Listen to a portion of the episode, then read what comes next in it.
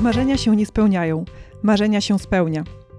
W podcaście Napędzani Marzeniami rozmawiam z ludźmi, którzy udowadniają to swoim przykładem. Nazywam się Joanna Borucka i jestem założycielką firmy Katalog Marzeń, oferującej prezenty w formie przeżyć. Cześć, zapraszam Was do wysłuchania rozmowy z Michałem Leksińskim. Michał jest osobą, którą bardzo długo się przedstawia, bo ma na swojej liście wiele osiągnięć, wiele dokonań. Są to dokonania podróżnicze, e, wysokogórskie, e, dobroczynne. Jest osobą, która emanuje taką pozytywną energią, entuzjazmem, a jednocześnie spokojem. Rozmawiało mi się z Michałem tak wspaniale, że zdecydowaliśmy się podzielić naszą rozmowę na dwa odcinki. Teraz zapraszam Was do odcinka pierwszego, który bardziej skupia się na tematach podróżniczych wysokogórskich, a w następnej odsłonie podcastu Napędzani Marzeniami zaproszę Was na rozmowę numer dwa. Cześć Michał. Dzień dobry. Dzięki serdeczne, że e, przyszedłeś tutaj do naszego studia. Bardzo dziękuję. Chciałam ci powiedzieć, że bardzo młodo wyglądasz. I to dobrze. mówię to w konkretnym kontekście. Mówię to w takim kontekście, że lista Twoich e, osiągnięć, e, można powiedzieć, Twojego CV jest imponująca. Ja tutaj się będę posiłkować. I chaotyczna. Ja widzę pewien, e, pewne konkretne spoiwa, ale chciałabym, żeby wszyscy, wszyscy się z nią zapoznali, więc e, tak, ty, ja, ja cię przedstawię, a ty mi powiesz, czy ja tutaj coś... Ja będę korekty robił. Właśnie. Więc tak, zwiedziłeś ponad 45 krajów świata, ukończyłeś studia politologiczne, a poza tym tak. ukończyłeś dodatkowo 5 kierunków studiów podyplomowych. Tak jest. Jesteś e, współtwórcą projektu Platformy Patronite, która wspiera twórców i nie tylko twórców, tak do tego przywilej. nawiążemy. Jesteś współtwórcą platformy ShareMap.org, która z kolei tak wspiera podróżników. Tak. Jesteś autorem książki Projekt Wyprawa, Też. która opowiada o tym, jak gromadzić fundusze na e, wyprawy podróżnicze. Pracujesz w międzynarodowej tak, korporacji tak, tak, tak, jako dyrektor do spraw public relations. E, jesteś twórcą charytatywnego projektu Seven Summits, który, o, nawiążemy do niego. Kolekcjonujesz skoki bungee. Też. z jak najwyższych e, tak, miejsc. Tak, tak. tak umownie sobie to wymyśliłem, ale to później też opowiem. Okej. Okay. E, jesteś pomysłodawcą kierunku studiów podyplomowych, e, marketing sportów ekstremalnych. Tak Pełniłeś rolę rzecznika prasowego Narodowej Wyprawy na K2. A Zgadza do tego się. jesteś tatą. Tak, to najważniejsze w sumie. I jeszcze przed naszą e, rozmową, przed tutaj oficjalnym startem dowiedziałam się, że e, masz za sobą epizod e, iluzjonisty. Tak, no to, to, to już dawne lata, ale tak zdarzyło się, to prawda. Dla mnie to e. brzmi tak, no przynajmniej 70, jak nie jakieś tam 80 e, lat, a wyglądasz na dużo, dużo mniej. Mm, no teraz jak to przeczytałaś, to rzeczywiście jest tego e, sporo, ale mm, wynikało to jedno z drugiego. To znaczy nie jest tak, że to y, było chaotycznie, że tak powiem, dobierane, tylko mhm. Studia na przykład były wynikiem świadomej jakby takiej decyzji, że chciałem zawsze przez okres, kiedy studiowałem normalnie e, dziennie, to chciałem też e, dodatkową jakąś wiedzę zdobywać. No akurat w moim przypadku to była fascynacja do tej pory, która została psychologią taką społeczną i e, psychologią relacji i dlatego no, poszedłem w te kierunki podyplomowe, ale też jakby zrobiłem takie założenie, że jeśli będę kontynuował edukację podyplomową, to jeden rok Mhm. Kompetencje, drugi rok zabawa. Jeden rok kompetencje, drugi zabawa. I w związku z tym, e, w sensie, że kierunków e, studiów. I no, stąd na przykład były poważne studia typu tam strategiczny wywiad biznesowy, ale z drugiej strony była na przykład szkoła mistrzów pióra, czyli mhm. sztuka pisania beletrystyki, co też prowadzi na przykład do tego, że zawsze później jakoś zamarzyło mi się, żeby tą książkę Mm, e, e, napisać. Z kolei jakby te aspekty podróżnicze połączyły się z kompetencjami zawodowymi i tak się gdzieś tam znalazłem w tym oku cyklonu tej zimowej wyprawy narodowej na K2 no i tak, ja mógłbym o tych linkach jeszcze opowiadać, ale wolę poczekać na pytania. Ale właśnie to jest moje pierwsze pytanie. Czy ty jesteś w stanie takie kamienie milowe e, w swoim życiu opisać, wymienić w takiej formie skrótowej? Od razu mówię, że skrótowej nie dlatego, że mnie to tak. interesuje, tylko dlatego, że mam jeszcze dużo e, mm. właśnie pytań do, do zadania to, to, tobie. To, to, to bardzo takie y, miłe pytać o kamienie milowe 32-latka. Yy, ale bardzo dziękuję, bo tyle, przyznam się, tyle mam lat. Mm, nie wierzę, e, nie, nie, wierzę, nie wierzę, nie wierzę. Wydaje mi się, że... Yy, w kontekście takim podróżniczym, to na pewno kamieniem milowym były, była Japonia, bo to był y, mój pierwszy samodzielny wyjazd tak bardzo daleko, mm, świadomy, zorganizowany absolutnie samodzielnie, bez żadnych tam, no to nie był wyjazd taki po prostu wycieczkowy. Mm, e, I to było na studiach, kiedy ja e, no realnie ten mój budżet się totalnie nie spinał. To znaczy, mhm. ja miałem tam, mm, mm, studiowałem w Toruniu, a pochodzę ze Szczecina. Moi rodzice, no, dzięki nim to było w ogóle możliwe, bo oni mnie wspierali, żebym miał tam na mieszkanie, prawda, jakieś drobne tam no, życie po prostu y, skromne, studenckie. No ale to nigdy nie była na pewno żadne takie pieniądze, żeby tam w ogóle myśleć o wyjazdach mhm. zagranicznych, może w ten sposób. I, mm, no a Japonia znowu z drugiej strony jest piekielnie droga. No tam jakby bilet na Shinkansena, czyli tą szybką kolej, to jest rzędu tysiąca złotych potrafi mm, kosztować taki odcinek Gdańsk-Kraków e, na przykład. I mm, e, w związku z tym, mm, no ja te pieniądze uzbierałem, to znaczy nagle zauważyłem, że gdzieś tam jak podciągnę trochę średnią, to wskoczę na próg stypendium, znalazłem pracę i dużo dodatkowych źródeł dochodu, które gdzieś tam pozwoliły mi po prostu jakby cały czas żyć na tym samym poziomie, a wszystko co mhm. zarobione od, odkładać na, na, to, na, tą, na ten wyjazd. No i też taką metodę zastosowałem, która jest dość często stosowana, że po prostu jak tylko miałem pieniądze, kupiłem od razu bilet mhm. lotniczy. No to już było pozamiatane, bo już wiadomo, że, że jadę, że muszę te pieniądze mieć, no bo, bo inaczej tam będę po prostu e, e, spał gdzieś pod mostem. Natomiast mm, i to było takie chyba pierwsze, najważniejsze wydarzenie, tak mi się wydaje, w moim takim świadomym życiu podróżniczym, mhm. które ukierunkowało mnie na to, że można i mm, że da się naprawdę jakby i sfinansować to i, i zobaczyć ten świat. Po drugie też pokazało mi, że ja uwielbiam ten aspekt yy, przed wyjazdem planowania. Znaczy, że dla mnie to jest równie ważne i jakby w życiu bym rozumiem i absolutnie szanuję, że ktoś na przykład jest bardzo zarobiony, nie ma czasu i musi korzystać jakby z dostępnych mhm. źródeł, że na przykład gdzie jakaś wycieczka i tak dalej i absolutnie jest to jasne dla mnie. Natomiast i, mnie po prostu tyle frajdy to sprawia, yy, że jestem w stanie jakby poświęcić noc na to, własny sen, własny czas, żeby po prostu yy, samodzielnie to wszystko planować. I to był chyba taki podróżniczy kamień milowy. E, wejście na Mont Blanc, e, mm, bo w Japonii wszedłem na Fuji, ale, ale to nie było takie, to nie była jakby górska świadoma przygoda, tak bym to nazwał. Na, wejście na Mont Blanc 5 lat temu, 4 lata temu, tak, 4 lata temu dokładnie, było takim kamieniem milowym w górskiej przygodzie. Znaczy mhm. ja 5 lat temu nic nie wiedziałem o górach, nic, tak jakby zero wiedzy po prostu jakiejkolwiek i e, dopiero od tego momentu to się zaczęło jakby we mnie tlić, żarzyć i w ogóle, no bo jakby mm, te góry, y, no to, to jest to moje miejsce, które, które jest mhm. moim jakimś tam sanktuarium. To jest taki drugi kamień milowy i trzeci kamień milowy jest jakby tym, tym teraz z perspektywy to dobrym, ale no był wtedy negatywny, to jest złamanie kolana. Znaczy to jakby na tydzień przed kupieniem, na tydzień przed wylotem do Nepalu, gdzie miałem już zorganizowany jakby samodzielnie też właśnie wędrówkę do e, pod Everest, spinając się na ścianie w Warszawie po mhm. prostu spadłem z sekcji boulderowej czyli tam takiej sekcji, gdzie chodzi się bez liny yy, i ćwiczy technikę i no po prostu pogruchotałem to kolano. I ja byłem przekonany, że to mięśnie, no ale tam w szpitalu powiedzieli mi, że raczej stąd nie wyjdę prędko i operacja jedna, druga, wielki gips na całą nogę, potem jak z tego gipsu noga wyszła, no taki jedna noga jak u Schwarzeneggera wyciosana, no bo cały ciężar przez dwa miesiące na tej nodze, a, a druga jak taki kalafiorek, taki łodyga taka, więc no masakra. I, a ja rozpędzoną maszyną byłem wcześniej, która chciała właśnie te góry tam zacząć trenować i tak dalej. To był trudny moment bardzo, ale też kamień milowy, bo pokazał mi, że jakby z tych przeciwności losu, jakby no nieważne co, to jakby da się z tego wyjść, mhm. wystarczy mieć dobrą motywację i determinację. I to były takie te kluczowe takie w tym całym gąszczu tych rzeczy kamienie, które jakby ukierunkowały mnie mhm, na mhm. ścieżce, którą podążam dzisiaj, ale nie mam pojęcia, dokąd mnie zaprowadzi.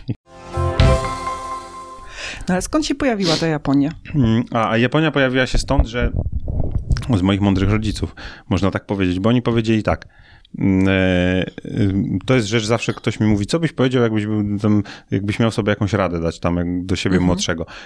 I albo y, y, znajomi młodsi mnie pytają, co, jaką radę bym im dał. Zawsze powtarzam, że jakby zrozumcie, co to znaczy te wakacje na studiach. Znaczy, to jakby to się potem nie powtarza, a tu mhm. przez pięć lat konsekwentnie macie trzy miesiące wolnego w środku roku generalnie.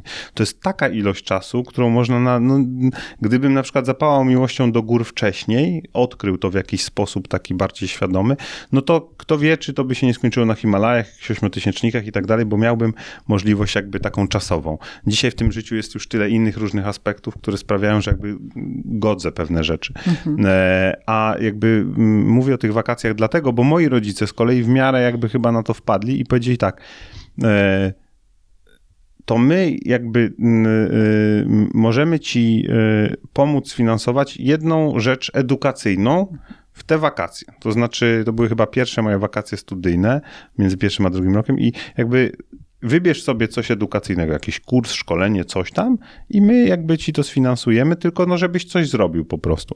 No więc ja stwierdziłem, że w takim razie wezmę intensywny kurs miesięczny języka japońskiego, czyli...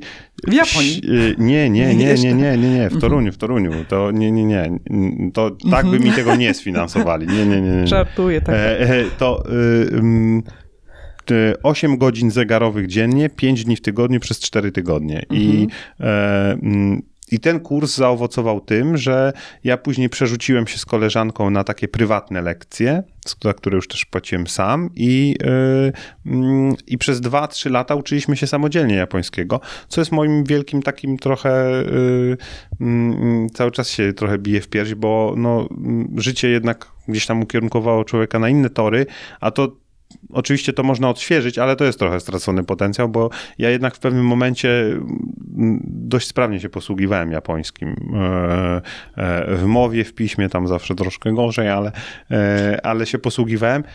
A japoński, jak ktoś już jakby zna ten język, albo się go uczy, to rozumie ten fakt, że no, polski jest językiem fleksyjnym, my odmieniamy na przykład, mhm. tak? E, angielski jest językiem pozycyjnym, czyli pozycja słowa w zdaniu, ten szyk jakby e, zmienia znaczenie, a japoński jest językiem addytywnym, czyli dodaje się na końcu, ten add z angielskiego, czyli dodaje się na końcu jakąś tam przyrostek mhm. albo przy, przyrostek zazwyczaj i on zmienia znaczenie słów albo mm, mm, mm, dodaje czas, zależność, mm, takie nasze przypadki trochę. I mm, to jest taki język, że w ogóle wszystko, co się zna, to trzeba, że tak powiem, pognieść, wyrzucić do kosza i na nowo się uczyć w ogóle, jak się myśli o języku, bo brak jednego z czasów na przykład, tak? Tam nie ma jednego, nie ma przyszłego czasu. E, mm, za pomocą tych przyrostków mhm. określanie w hierarchii społecznej, gdzie jesteś, to znaczy inaczej mówisz do swojego szefa, a inaczej mówisz do swojego kolegi, a inaczej mhm. do kogoś, kto pracuje jakby, jest niżej w hierarchii pod tobą, inaczej do swojej siostry, a inaczej do małżonka i tak dalej, i tak dalej, za pomocą innych dodatków do słów. Mhm.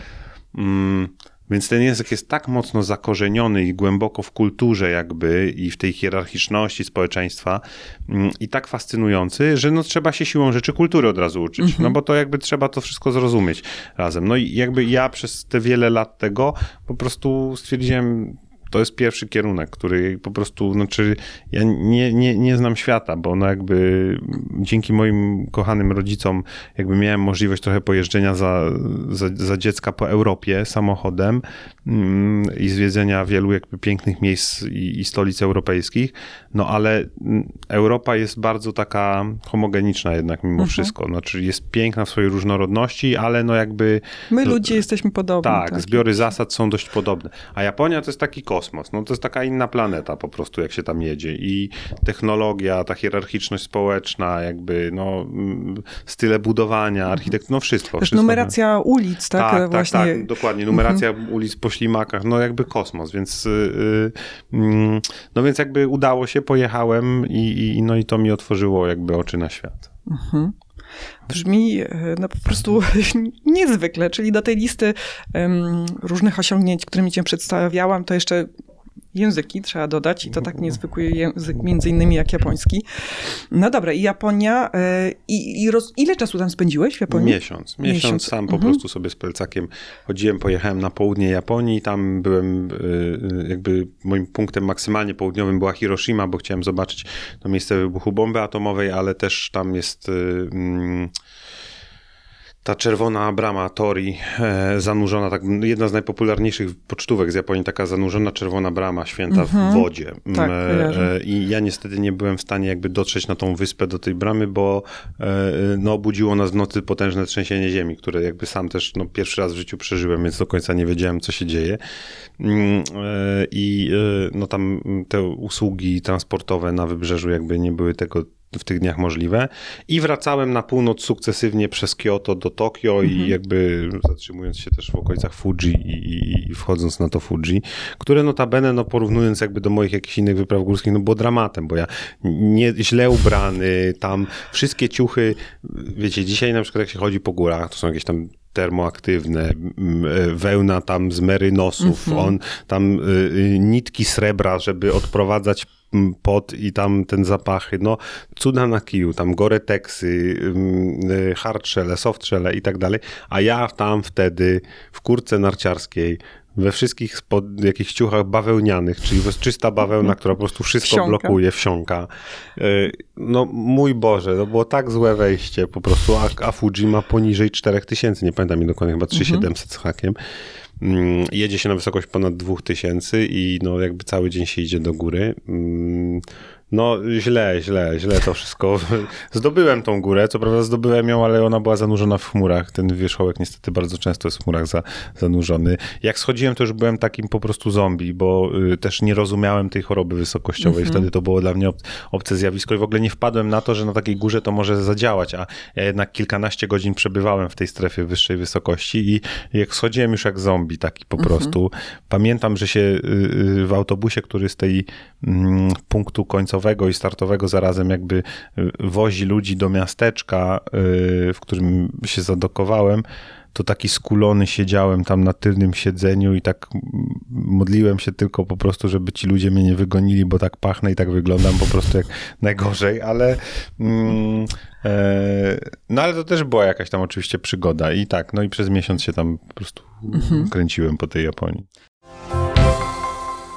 No i to rozumiem przerodziło się w takie, mm, taką pasję do podróżowania, stąd te, y, ile dzisiaj? Bo przedstawiam, że ponad 45 krajów. Trochę, mm, z jednej strony na początku tak trochę w ogóle podchodziłem do tego, że chciałbym tam y, sobie to liczyć i tak dalej. Z drugiej strony później stwierdziłem, że to chyba trochę jednak y, nie na tym to polega. Mhm.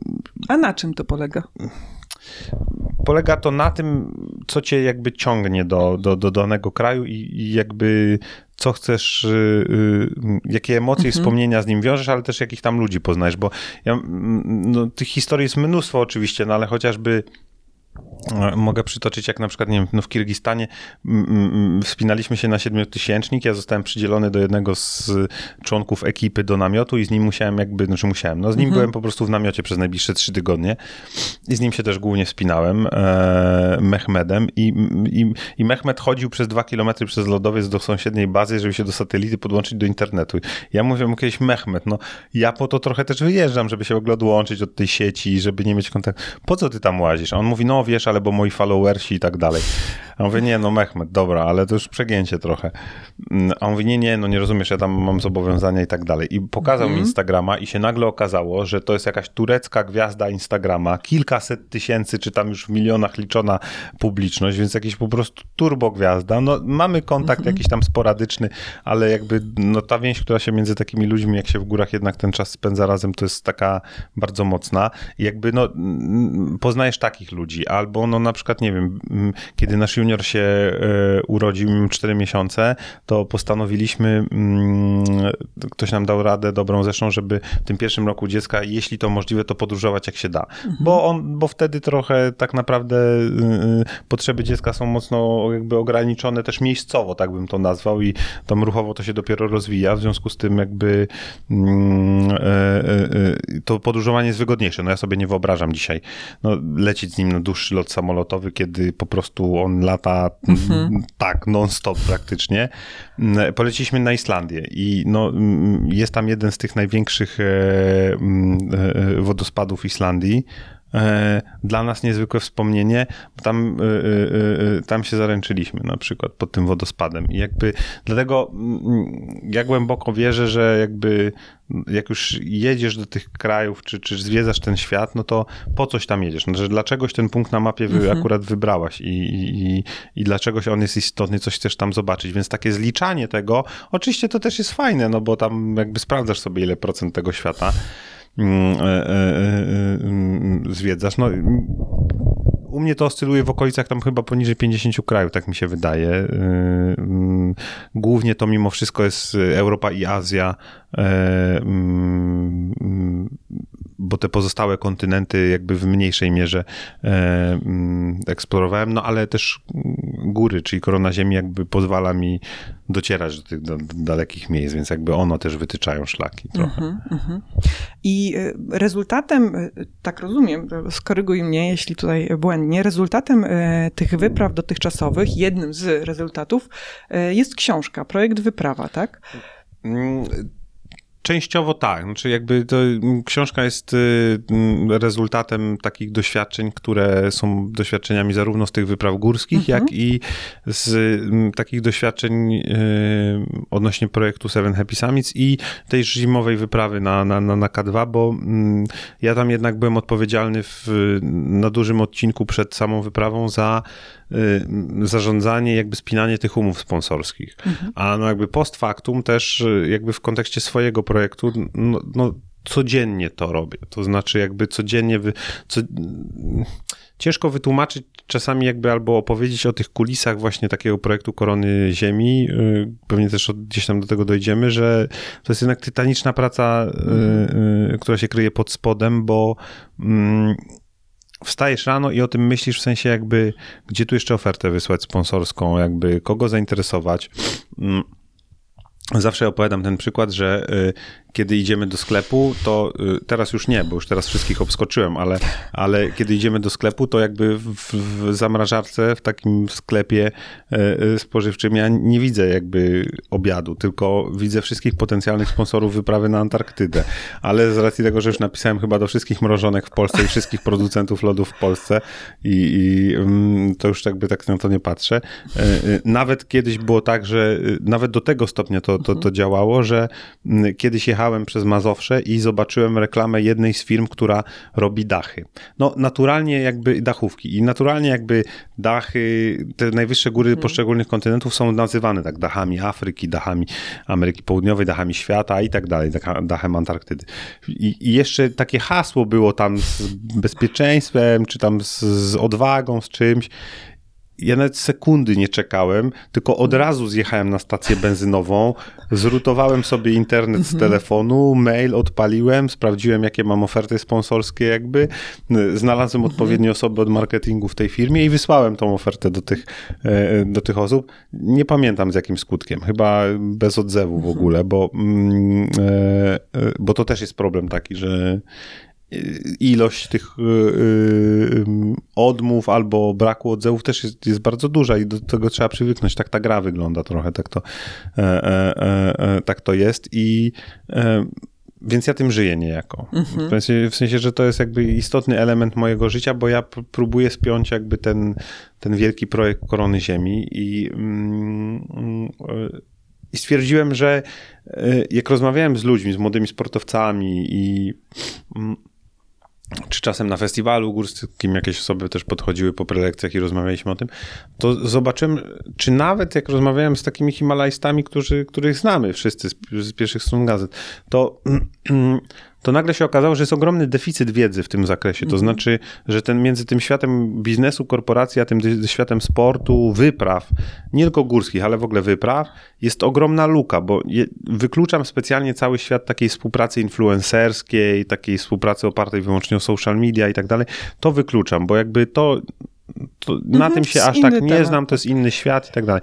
Ale między ale w tym świecie, w którym jest utalentowany sportowiec, który potrzebuje wsparcia i nagle się okazuje, że on potrzebuje 1500 zł. To nie, to nie, nie mówimy tutaj o mhm. dziesiątkach czy milionach, tylko tysięcy złotych, tylko o, o jakichś kwotach takich o wiele mniejszych, bo on gdzieś na zgrupowanie musi do Niemiec jechać, czy gdzieś i on tego nie ma i on nie wie, jak to zrobić. On mhm. nawet nie wie, jak się zabrać za to w ogóle, żeby, żeby gdzie poszukać, czy ktoś i tak dalej. I rozmawiamy, ja mówię, słuchaj, no ale twoje miasto, przecież ty promujesz, jakby może iść do lokalnych władz, a może są jakieś firmy na lokalnym terenie, a może w ogóle są firmy, które obchodzą jubileusz w tym roku mm, i tak dalej, i tak dalej. I jemu się świeci światełko, że no rzeczywiście i tak dalej.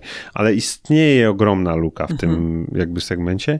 Ja po prostu jakby stwierdziłem, no dobra, no to jakby to, co wiem, to napiszę w takiej książce mhm. i jakby kto będzie chciał, to sobie skorzysta z tego i zobaczy, jak można w ogóle ułożyć taką ofertę sponsorską, mhm. żeby spróbować jakby te marzenia sobie tam zrealizować. Czyli ta książka, przyznam się, że jeszcze nie przeczytałam, ale Wszystko jest na liście, tobą. właśnie, jest na liście. Ta książka opowiada o e, projektach, które są podróżnicze, sportowe. Tak, to nie jest tak, że ja chcę wyjechać, e, no, już wezmę tą Japonię tak jako przykład, że ja po prostu chcę pojechać do Japonii, spędzić tam miesiąc, zapoznać się z kulturą i mogę e, też.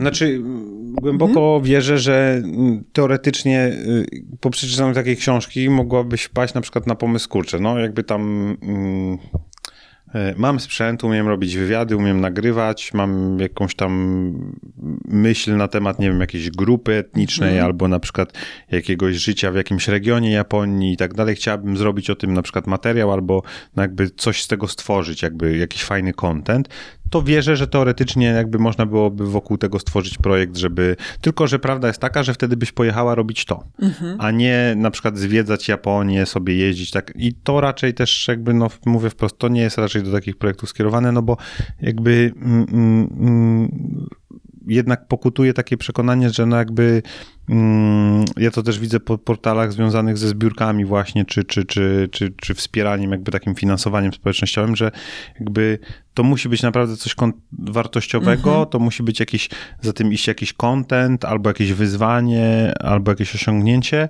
bo jeśli ludzie tylko wyczują, że to jest wyłącznie dawanie pieniędzy komuś na wakacje, no to to się mhm. na mhm. pewno nie powiedzie. Ale jeśli mam marzenie, że mm, jestem rękodzielnikiem i chcę pojechać, zrobić taki objazd, tour po Europie, odwiedzić właśnie rękodzielników tak, lokalnych tak, tak. i potem to, zrobić to, to myśl... czy jakąś wystawę, czy... Tak, to myślę, że to zdecydowanie mhm. tak, że to, to to taką wiedzę można tam i, z tej książki e, e, e, zdobyć, jak to, bo jakby idea jest prosta, to znaczy trzeba szukać, trzeba podchodzić indywidualnie i szukać kontekstów. Mhm. To znaczy, to musi być tak, że mm,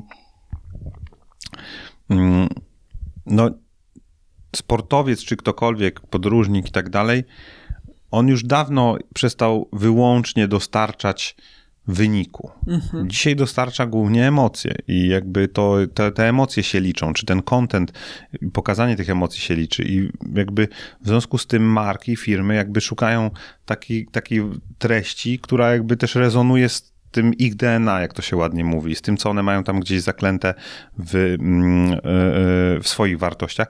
I Oczywiście, ja jakby, ja osobiście uważam, mówię to jakby samochwalczo, ale że mm, ja mam taki poziom abstrakcyjnego już myślenia, że jestem w stanie uszyć wszystko o wszystkim po prostu. Mm, e, e, zawsze powtarzam taką e, historię mm, akurat tam chyba nie było po prostu jakby możliwości czy przestrzeni, ale e, miałem taką historię, gdzie e, no wymyśliłem już tak projekt, w którym firma ma jubileusz i w ogóle jej produkt nazywa się tak jak jakaś tam odniesienie do tej góry. I to się w ogóle wszystko no tak spina, mm. że, że rewelacja i myślałem nad tym tam kilka dni, zrobiłem taką bardzo dedykowaną, precyzyjną prezentację, zmodyfikowałem jakby ofertę sponsorską. Na, no, napracowałem się, to był mój czas, moja, moja praca, jakieś wieczorami to robiłem. Mm, wysłałem, znalazłem, namierzyłem właściwą osobę e, e, bardzo wysoko w strukturze, bo jakby w mm, pozycji członka zarządu odpowiedzialnego za komunikację w tej firmie, więc już jakby bardzo wysoko. Bezpośredni mail, był też telefon, więc jakby później mogłem tam telefonicznie go jeszcze ewentualnie e, zadzwonić i powiedzieć, że wysłałem, że dzień dobry, tak się nazywam i tak dalej. No i dostałem maila, y, świetny projekt, gratulujemy, nie mamy tam możliwości, dziękujemy. No, mm, no i jakby tyle, a ja tam po prostu już w głowie mówię, tak, tak, to zrobimy, to w ogóle to będzie to. Mm, e, no i, i jakby i, i, i, klapa. Już nie mówiąc o tym, jak czasami na przykład przychodzą maile takie kopiuj wklej, ja widzę, że to jakiś automat po prostu mi tam, nawet nie automat mi odpowiada, mhm. tylko że jakaś osoba mi po prostu jakąś wklejoną coś tam. No taki skrót. Tak, tak. tak. Szanowna pani Michale, bardzo dziękujemy za pana inicjatywę, czy tam pani jest mhm. świetna właśnie i tak dalej, ale nie. No, mhm.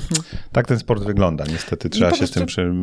No właśnie i trzeba się przyzwyczaić do takich sytuacji, że odmowy tak, tak, są znaczy, i będą. No, um, umówmy się, jakby ja, ja, nawet w dniu, kiedy my dzisiaj nagrywamy, idę mhm. po południu na bardzo ważne dla mnie spotkanie y, y, z potencjalnym sponsorem i wiadomo, jak są role ustawione. Znaczy ja przychodzę jako petent, który będzie prosił o to, żeby ktoś wszedł w mój projekt i poświęcił jakieś swoje pieniądze za coś, co ja mogę dostarczyć, dać. I jakby, mm, więc jakby odmowa jest tutaj tutaj mechanizmem totalnie naturalnym w większości przypadków, w znaczeniu takim, że jeszcze w dzisiejszych czasach, kiedy te budżety są cięte, kiedy to jakby wszystko komunikacyjnie jest o wiele trudniejsze, chociaż oczywiście jest trochę teoria, że kto w czasie kryzysu jakby inwestuje w takie rzeczy, to może jakąś tam pozycję um, ponad konkurencją zdobyć. Natomiast, no, ale też zupełnie szczerze jest to zrozumiałe, bo koszty są cięte i kiedy przychodzi człowiek, który chciałby jakby pozyskać fundusze, no to naprawdę musi pokazać sobą, swoją autentycznością i swoją historią jakby i też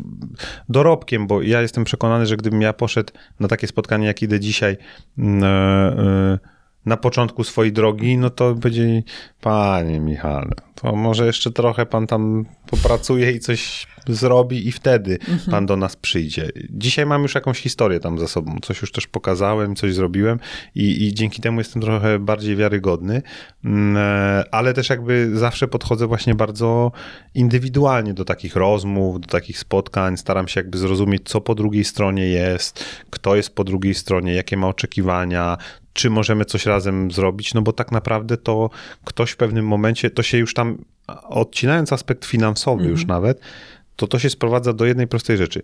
Na koniec ktoś mi po prostu zaufa. I tak. pytanie jest, czy ja to zaufanie jakby wykorzystam dobrze, czy je zawiodę. No i jakby to jest tylko tyle i aż tyle. Mhm, mhm. E, podlinkujemy książkę e, i ja też podzielę się swoimi opiniami, jak tylko ją przeczytam. A chciałabym wrócić do drugiego kamienia milowego, czyli gór, bo y, dobra, Mont Blanc jako pierwsza góra, na którą, no może nie pierwsza góra, no tak, na którą tak. wszedłeś, tak, ale pierwsza, pierwsza z korony. Tak. Pierwsza z korony, a czy y, każdy z nas, może każdy to za dużo powiedziane, no ale po górach e, chodzimy, tak, w szczególności po tych polskich tak. górach to chodzi wiele osób. No ty mówiłeś o y, Fuji. czy pomiędzy Fuji a Mont Blanciem była jeszcze jakaś inna, większa góra, czy nie, nie, nie. Tam właśnie ja jestem taki pozbawiony mhm. tego aspektu romantycznej historii, że moi rodzice to mnie tam zabierali i w ogóle i tak się ta mhm. miłość. Nie, nie, nie, nie. U mnie to po prostu było tak, że ja tam wszedłem na górę na to Fuji, potem było długo, długo nic. Ja mhm. byłem w ogóle takim archetypem antysportowca. To znaczy jakby no, y, no totalnie jakby nic. W sensie jakby zero aktywności fizycznej, bardzo niezdrowy tryb życia jakby i... Yy, nie wierzę, nie wierzę. Yy, yy, tak, tak. I jakby jakby, no myślę, że moi nauczyciele WF-u to się w ogóle za głowę czasem łapią, jak gdzieś tam przeczytają, e, e, e, co ja robię. I... Mm, i długo, długo nic. I potem było tak, że rzeczywiście jakby y, wspólny tam przyjacielski wyjazd y, ten do Francji, który miał być tym wejściem na Mont Blanc, on się nie powiódł ten pierwszy raz, bo to mhm. jakby Mont Blanc dopiero za trzecim razem udało mi się zdobyć. E, notabene jestem bardzo ciekawy, bo też rozmawiamy dzisiaj, a ja za półtora tygodnia znowu idę wejść na Mont Blanc. Mm. Teraz już tak na luzie generalnie spróbować zupełnie innej drogi też i tak dalej. Natomiast i ten pierwszy przyjacielski wyjazd się nie, nie, nie powiódł, bo pogoda nam nie pozwoliła.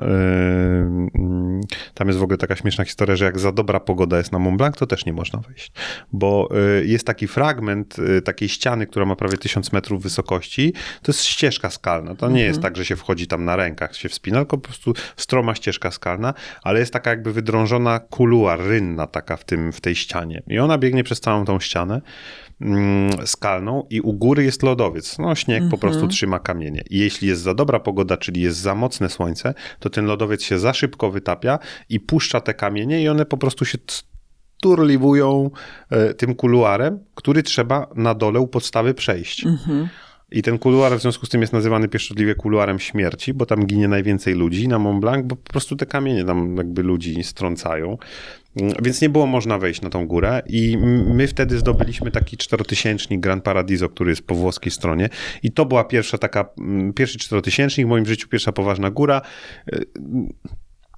Kolejna dramatyczna wyprawa w znaczeniu takim, że yy, yy, no jak dziś pamiętam, jakby yy, to jest aż wstyd, ale na tym to, że jakby, ja też absolutnie uważam, że trzeba kultywować porażki jakby i te swoje niepowodzenia, bo ja pamiętam na przykład, no góry się zdobywa w takim mniej więcej uproszczonym sposób oczywiście, że ten ostatni fragment, czyli jakby ostatnie wyjście z ostatniego obozu, czy tam ze schroniska na szczyt, no ten moment, kiedy już mhm. idziemy na szczyt. Zazwyczaj w przypadku tych większych gór to robi się to w nocy, w środku nocy, żeby po pierwsze pierwsze, bo lód jest, y, y, śnieg jest zmrożony, e, e, po drugie jakby chcemy mniej więcej o wschodzie słońca, czy tam chwilę pobyć u góry na szczycie, to nie jest związane z walorami widokowymi, tylko z tym, że później cały dzień mamy na powrót. Mhm. Jakby dzięki temu to jest jakby o wiele bezpieczniejsza sytuacja. Ale też i możemy w miarę szybko wrócić przed południem najczęściej, co też pozwala uniknąć tego, że na przykład otwierają się szczeliny e, w lodowcu, no bo, bo ten śnieg się roztapia. Mm, I y, no więc jakby idzie się na lekko, ten cały sprzęt już ma się tylko ograniczony do niezbędnego minimum, żeby tylko szybko wejść na szczyt i zejść. Ja byłem tak zaaferowany chyba i tak podniecony tym po prostu pierwszym czterotysięcznikiem, że całą kosmetyczkę wziąłem na ten szczyt, jakieś ręczniki wziąłem na ten, po prostu nic nie wypakowałem z plecaka, absolutnie cały plecak wielki tachałem na szczyt pierwszego swego czterotysięcznika. Nie mówiąc o tym, że y, szliśmy tam z przewodnikiem. Ja tam wpadłem tak y, do pasa, do szczeliny, ale się zaklinowałem, więc jakby to nie było nic strasznego. Może Dziś... ten wielki plecak pomógł. Pewnie, pewnie tak, pewnie tak. Nie pomyślałem o tym, ale myślę, że to mogło być to. I dla mnie oczywiście, jako dla młodego adepta gór, to było jakieś dramatyczne wydarzenie, że nagle wpadam do śnieg, nie czuję dna, macham tam tymi nogami i tak dalej. Pamiętam, jak przewodnik tylko na mnie krzyczał, żebym tam się wygramolił szybko, bo, y, y, bo, bo grupę całą tam spowalniam po prostu. I jakby dla niego to było absolutnie, to, że się nic nie dzieje, ja to mhm. bardzo przeżywałem. I to, był, to była taka pierwsza wyższa góra. Potem mm, za drugim razem pojechaliśmy rok później. Ja między tymi dwoma razami właśnie do kolanu złamałem, ale to jakby się mm, wyrehabilitowałem. Pojechaliśmy znowu na Mont Blanc i znowu się nie udało. Zła pogoda, mm, zamieć śnieżna, za duże opady śniegu, lawiny, no jakby duże zagrożenie. I miesiąc później niespełna yy, w okolicach końca lipca, bo to nawet zresztą ostatnio mi Facebook przypomniał, że to jakieś 4 lata temu było. E, pojechałem sam, ze znajomym przewodnikiem się spotkałem we Francji, w Chamonix. Pojechałem sam i zrobiliśmy, bo trzeba zdobyć niższą górę najpierw trochę w ramach aklimatyzacji, czyli tego przyzwyczajania organizmu do wysokości. Taką przepiękną górę, moje marzenie, ząb giganta. To jest taki bardzo trudny czterotysięcznik, taka po prostu iglica skalna, która wystaje ponad horyzont. I w ostatnim fragmencie właśnie wspina się tak jakby po prostu ktoś włożył gdzieś pałac kultury tak na, na horyzoncie, bo to tak wygląda, bo to jest 200-metrowa taka iglica skalna, mm, czterotysięcznik i zdobyliśmy to i dwa dni później zdobyliśmy Mont Blanc. I, mm, e, no i to zapoczątkowało ciąg wydarzeń, bo tam zacząłem myśleć o tym projekcie Korony Ziemi. E, nieśmiało i dużo ludzi często robi tak, że jakby zdobywa wiele gór z tej korony i dopiero w pewnym momencie mówi, hej, mhm. mam już pewną kolekcję, chyba robię tą koronę. A ja zdobyłem ten Mont Blanc i powiedziałem, ta, to ja się ogłoszę już teraz. I się ogłosiłem i powiedziałem, robię koronę ziemi. Po, połączyłem siły z Fundacją mm. Happy Kids, która zawiaduje rodzinnymi domami dziecka i jestem ich ambasadorem, staram się ich promować gdzie mogę, a jednocześnie mm, e, staram się różnego rodzaju inicjatywy i gdzieś tam, gdzie mogę też finanse dla nich znajdować i, i e, e, no skupiać też na nich uwagę. Zorganizowaliśmy obóz spinaczkowy, no to znaleźliśmy sponsorów, byliśmy na różnych koncertach z dzieciakami, no mm -hmm. dużo rzeczy się ciekawych, fajnych działo dookoła tego projektu i zawsze ta ich flaga mi towarzyszy na, na, na tych poszczególnych szczytach i jakby ogłosiłem się po tym zdobyciu Mont Blanc. Blanca zdobyłem w lipcu, w grudniu 2016 roku.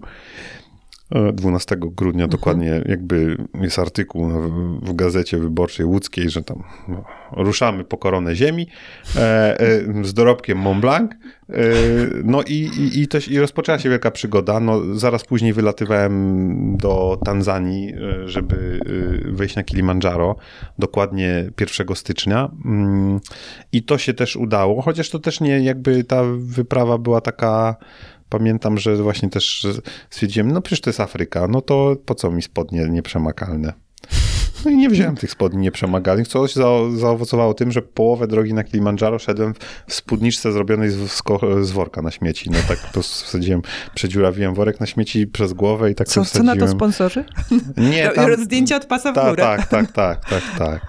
Mm, I I to jest też ciekawe, że potem miałem taki epizod, w którym jakby doskonale go pamiętam i mówię go ku przestrodze, że mm, stwierdziłem Mont Blanc za mną, Kilimandżaro za mną, jadę na Denali. Najtrudniejsza góra mhm. korony ziemi, najzimniejszy szczyt świata, najtrudniejsza, bo 30 kilo na saniach albo 20, 20 na plecach, to trzeba ciągnąć przez cały czas zdobywania góry niemal, więc no jakby piekielnie trudna góra i Bogu dzięki, wychodząc z, z założenia takiej mantry, którą zawsze powtarzam, że lepiej być krasnalem pośród gigantów niż gigantem pośród krasnali, mam dużo mądrzejszych od siebie ludzi wokół siebie i też jakby dużo doradców takich mm, e, e, e, e, alpinistów bardziej doświadczonych, czy no, himalaistów, do których mogę zadzwonić i po, pogadać. I, I oni powiedzieli tak wprost, puknij się w łeb. Puknij się w łeb, bo zginiesz tam po prostu. No, no co, co, ty wymyśliłeś? Przecież ty nie masz doświadczenia, no nie umiesz w te góry. Byłeś na jakichś dwóch wyprawach na, z całym szacunkiem, ale ten Blanki to Kilimandżaro to przy Denali to jest nic. Weź jakby, zapomnij o tym, wymyśl coś innego. I mm, no więc ja stwierdziłem, że następnym jakby elementem będzie wyruszenie samodzielnie zaplanowanie sobie tego wszystkiego i ruszanie samodzielnie z partnerem spinaczkowym na Elbrus, bo to jest, to jest y, może nie tyle trudna góra, ale niebezpieczna góra. Jak się pogoda popsuje, to tam jest bardzo niebezpiecznie i niestety dzień po nas na przykład tam zginął e, amerykański alpinista. I e, Zdobyliśmy Elbrus na Kaukazie y, w czerwcu 2017 roku i ja potem wymyśliłem, że y, za, za poradą kolegi, żeby pojechać na pierwszą taką prawdziwą ekspedycję do Kirgistanu na siedmiotysięcznik, bo tam wtedy poznajesz to życie wyprawowe, to trwa prawie miesiąc, jakby, no, to człowiek wtedy jakby rozumie, na czym polega to zdobywanie dużych gór. Mhm, tak, organizm tak, tak, tak inaczej tak, reaguje. Tak, tak. Tam niestety doszło do, do, do, do, do nieprzyjemnych sytuacji, bo ja tam podczas ataku szczytowego y, miałem problemy ze wzrokiem, a jak wróciłem, samodzielnie zawróciłem, podjąłem taką decyzję, to oślepłem i jakby straciłem wzrok na, na, na 6 tysiącach, ale to wróciło w miarę szybko i bezpiecznie zszedłem na dół. Mm, I y, ale te doświadczenia, jakby ta porażka tam, jakby ja ją przekułem sobie, te wszystkie błędy, które zrobiłem, przekułem tak, żeby na początku 2018 roku pojechać do Argentyny i zdobyć Aconcagua, która jest no jakby dla mnie najważniejszą taką górą, bo to jest najwyższa góra na świecie poza Azją. Mhm. E, e, 50 kilometrów trzeba przejść na nogach, żeby w ogóle dotrzeć do bazy, e, która jest na wysokości 4300 metrów. To jest Plaza de Mulas, drugi największy base camp świata. I dopiero się zaczyna spinanie stamtąd, to też prawie miesiąc, no w Andach, w Argentynie, na granicy argentyńsko-chilijskiej, przepięknie. Y, sukces i jednocześnie ogromny wysiłek, a ja jakby ciągiem wtedy stwierdziłem, że trzeba kuć żelazo póki gorące. Miałem też wsparcie jakby tam, e, e, e, chyba tak, były wsparcie jakichś sponsorów e, i pojechałem na Denali.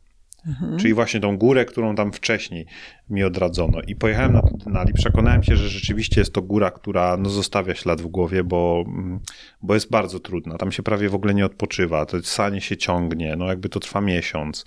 No i to jest mega wszystko trudne. Co więcej, byłem wertykalnie, czyli wysokość mierząc, około 50 do 70 metrów poniżej szczytu. Mhm. I musiałem zawrócić za co jakby przygryzam zęby każdym, za każdym razem, jak o tym myślę, aczkolwiek jakby tak miało być. E, rozpętało się piekło śnieżne, takie tam minus 50 prawie temperatura. No, my schodziliśmy 12 godzin prawie ze szczytu. Poniżej nas był zespół i to po niego robiono akcję ratunkową, żeby mhm. oni zeszli, więc jakby, jak ja usłyszałem przez walkie-talkie, że jest organizowana rescue mission, bo ktoś jest tam na przełęczy Denali, a ja sobie pomyślałem, a ja jestem 500 metrów wyżej od tego kogoś i, i muszę mhm. zejść, no to jakby to była naprawdę taka wielka walka. I później napotkani ludzie, tam przewodnicy też z Everestu, których spotkaliśmy, powiedzieli, że słyszeli o nas, o tym zespole, tam, że gratulują, że żyjemy i że, mhm. że, że, że zeszliśmy, że kupa dobrej roboty. Jakby i powiedzieli, że jeśli jest dobra pogoda i są dobre warunki, no to jakby to na Everestie nie doświadczycie nigdy czegoś takiego jak tutaj. W sensie, że to jakby to, co tu przeżyliście, to już jest taka szkoła naprawdę. E, no i jakby y, y, to był rok 2018 i rok temu, w 2019 roku pojechałem e, na Nową Gwinę, góry śnieżne mm, Nowej Gwinei i tam jest najtrudniejsza logistycznie i papierologicznie i formalnie góra do zdobycia, czyli piramida Karstensza, e, umiejscowiona pomiędzy dżunglą, w której są separatyści, a największą kopalnią złota na świecie. W związku z tym, e, no, teren mega nieprzyjemny, ale przepiękny.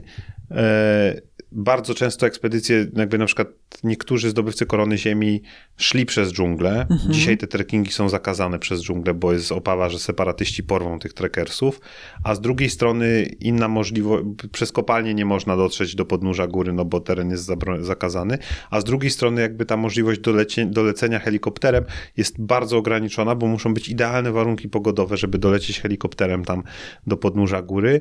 E, a Timika, z której się leci, taka mała miejscowość, jest nazywana deszczową stolicą Indonezji, więc jakby tam mhm. pada 360 dni chyba w roku. I mm, mieliśmy to, ja czekałem ponad 10 dni na zielone światło na wylot. I już myślałem, już byłem pogodzony z tym, że się nie uda i no jakby udało się, ta pogoda nam sprzyjała i od razu weszliśmy na szczyt.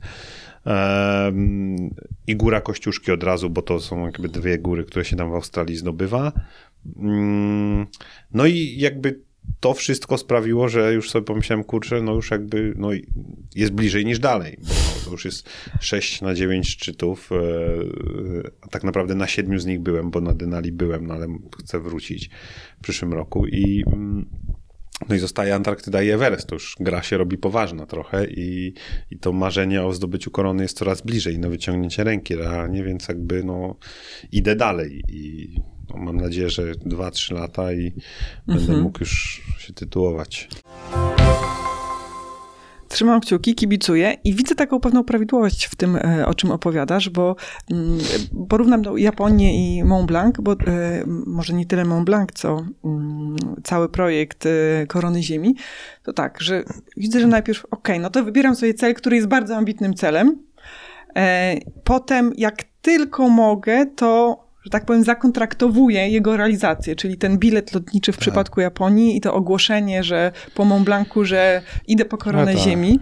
No i potem już. No, trzeba. Trzeba. trzeba, no właśnie, trzeba. Tak, Chociaż no jakby wzbraniam się ku temu, bo też jakby fantastycznych ludzi spotkałem na swojej drodze i też jakby właśnie Paweł, który jest też y, fantastyczną osobą w fundacji, mm, jest takim psychologiem, pedagogiem tam i on też bardzo dużo rozmawialiśmy i on powiedział, że on na przykład mm, bardzo, te słowa zawsze ze mną są, bo on powiedział, pamiętaj, że to jest tak, że wymyśliłeś wielki projekt, bardzo robisz fajną rzecz i dużo dobrego, ale nie czuj się tego zakładnikiem. Mm -hmm. Żebyś nigdy nie czuł się, że jakby musisz to zrobić, albo że jak już powiedziałeś, to musisz to zrobić, bo to może prowadzić do jakichś niebezpiecznych decyzji i e, e, nie daj Bóg pochopnych jakichś decyzji. I jakby. Mm, to się stało moim wielkim marzeniem, które jest jakby marzeniem podróżniczym, bo na przykład Antarktyda, na którą chcę e, e, jeszcze w tym roku mam nadzieję wyjechać, to, to jest moje największe marzenie podróżnicze ever w ogóle. W sensie, żeby mhm. móc wejść na tą górę na Antarktydzie. To jest po prostu jakby,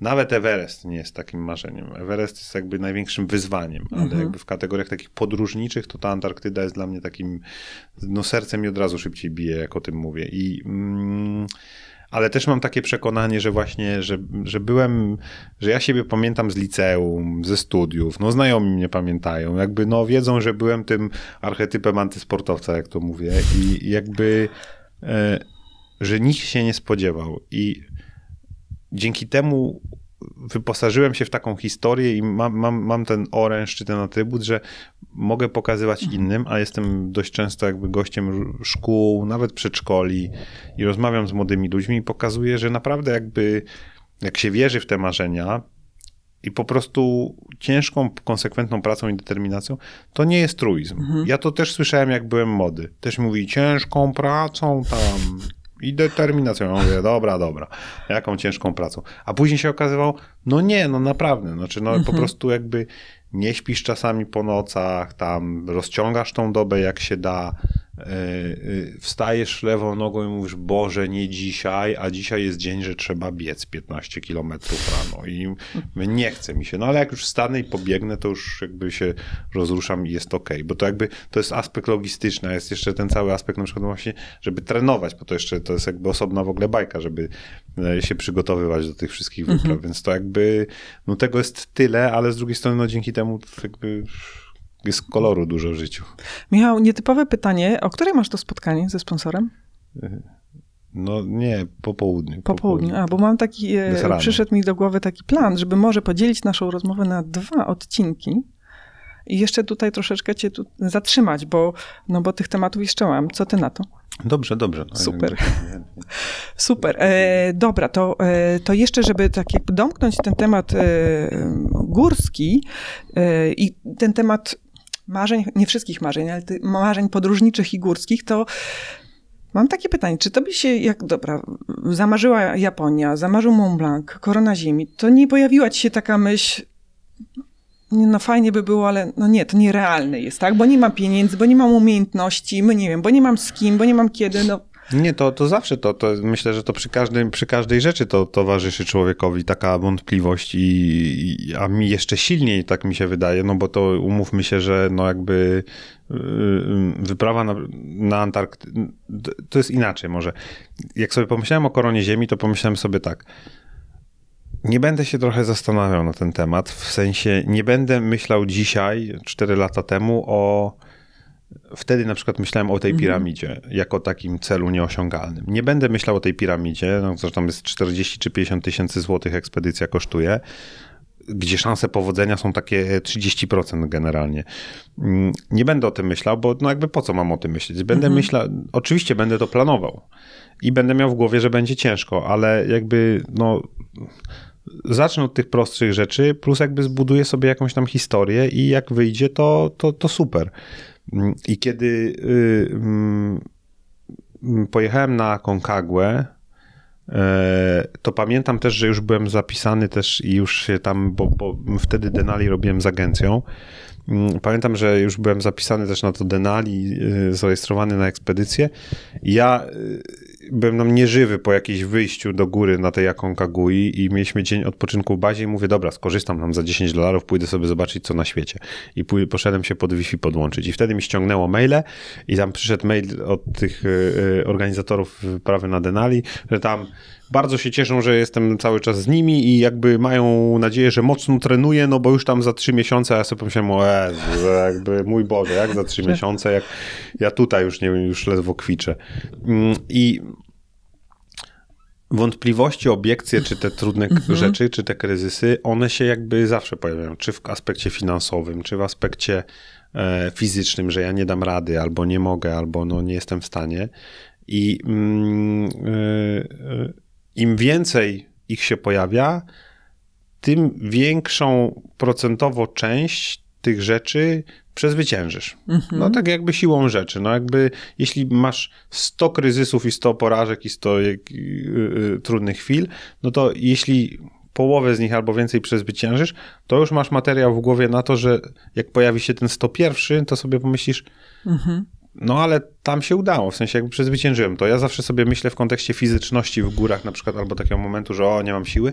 Jak sobie przypominam dzień, w którym atakowaliśmy Denali i ja wyszedłem rano z namiotu, czułem się dobrze, ale tak pomyślałem, kurczę, jakiś taki jestem poobijany, źle spałem i generalnie mam siłę, ale to nie jest pewnie mój najlepszy dzień i jakby no a przede mną atak szczytowy na Denali, więc jakby zobaczymy jak to. Bo tam się zdobywa w trakcie dnia górę, bo jest dzień polarny, więc jakby można kiedykolwiek wychodzić, nie trzeba w nocy. I, mm, e, i wyszedłem na to, na ten atak szczytowy i normalnie on powinien trwać z 12 godzin z powrotem do. U nas trwał prawie 20 godzin. I my w tej mhm. burzy tam 12 wracaliśmy i, e, e, mm, i wtedy sobie przypominam, że rano myślałem, że nie mam siły, a miałem siłę odpalić jakby organizm na najwyższe obroty w życiu, żeby przetrwać mhm. po prostu. Więc to nieprawda, po prostu. Znaczy ten kryzys był w mojej głowie i, i tak jest z większością pewnie rzeczy. Natomiast oczywiście z tymi finansowymi rzeczami to jest o tyle trudniejsze, że to jest też zależne od kryzysy fizyczne, to jest nasza głowa głównie, a takie rzeczy typu właśnie zbieranie środków, czy realizacja projektów, które wydają się ogromne, niemożliwe i tak dalej, no to jest zależne też od decyzji innych ludzi mhm. i jakby decyzji tego, co on, e, czy im się to spodoba, czy nie. I... Ale też naszej głowy, jak my sobie z tymi decyzjami radzimy tak. i co my później, tak, jakie wnioski z tego wyciągniemy. Tak, jakie... dlatego ja na przykład, jak, no nie wiem, już wysłałem mhm. po, pewnie ponad tysiąc tych ofert sponsorskich spokojnie w kontekście Antarktydy, czy, czy, czy mm, e, no głównie Antarktydy. I odzew mam różny, czasami nie mam tego odzewu w dużej mierze, ale mam również odzew taki, że niektórzy są na przykład powiedzieli, dzisiaj nie damy rady, ale mhm. rozmawiajmy w październiku na przykład albo we wrześniu, porozmawiajmy o tym, jakie masz plany na przyszły rok, albo mhm. na ten Everest, bo to jakby za półtora roku to myślę, że już możemy bliżej rozmawiać. Dzisiaj jestem w miejscu, w którym moje marzenie pod tytułem Antarktyda czy Everest nabiera jakichś realnych kształtów.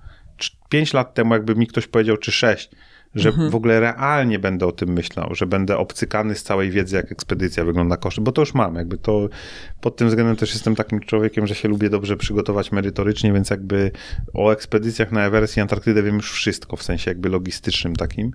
Mm, I yy, Gdyby mi ktoś 5 czy 6 lat temu powiedział, bym się popukał w głowę i powiedział, niemożliwe, no to w ogóle się nie da i ja fizycznie, finansowo, no w żaden sposób.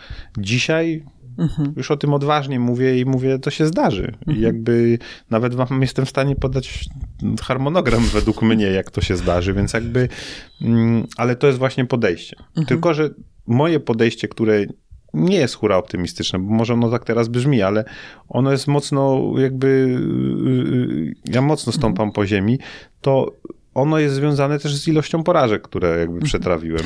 Ono dla mnie brzmi tak bardzo e, rozsądnie, jak to wszystko opowiadasz, to brzmi no po prostu tak będzie, tak? No, no tak, tak, tak, tak, tak będzie. No jakby jeszcze milion ludzi mi powie. Michał, głupi projekt, głupi pomysł, jakby no nie, nie chcemy, ale, ale drugi milion powie, fantastyczny projekt, z czego pół miliona powie, ale nie mamy pieniędzy, ale to drugie pół miliona powie, ale a my mamy tam trochę pieniędzy i na przykład chętnie mhm. cię wesprzemy, albo znamy kogoś, kto może cię wesprzeć, jakby, no tak Czyli to będzie działać. wizja celu, ale później myślenie o tym najbliższym y, kamieniu milowym tak, właśnie, tak? Tak, tak, tak, tak. No i bardzo projektowo, dokładnie. Mhm. Okej. Okay. E, o tych finansach nawiązałeś. To o tych finansach, moi drodzy, w drugim odcinku naszej rozmowy.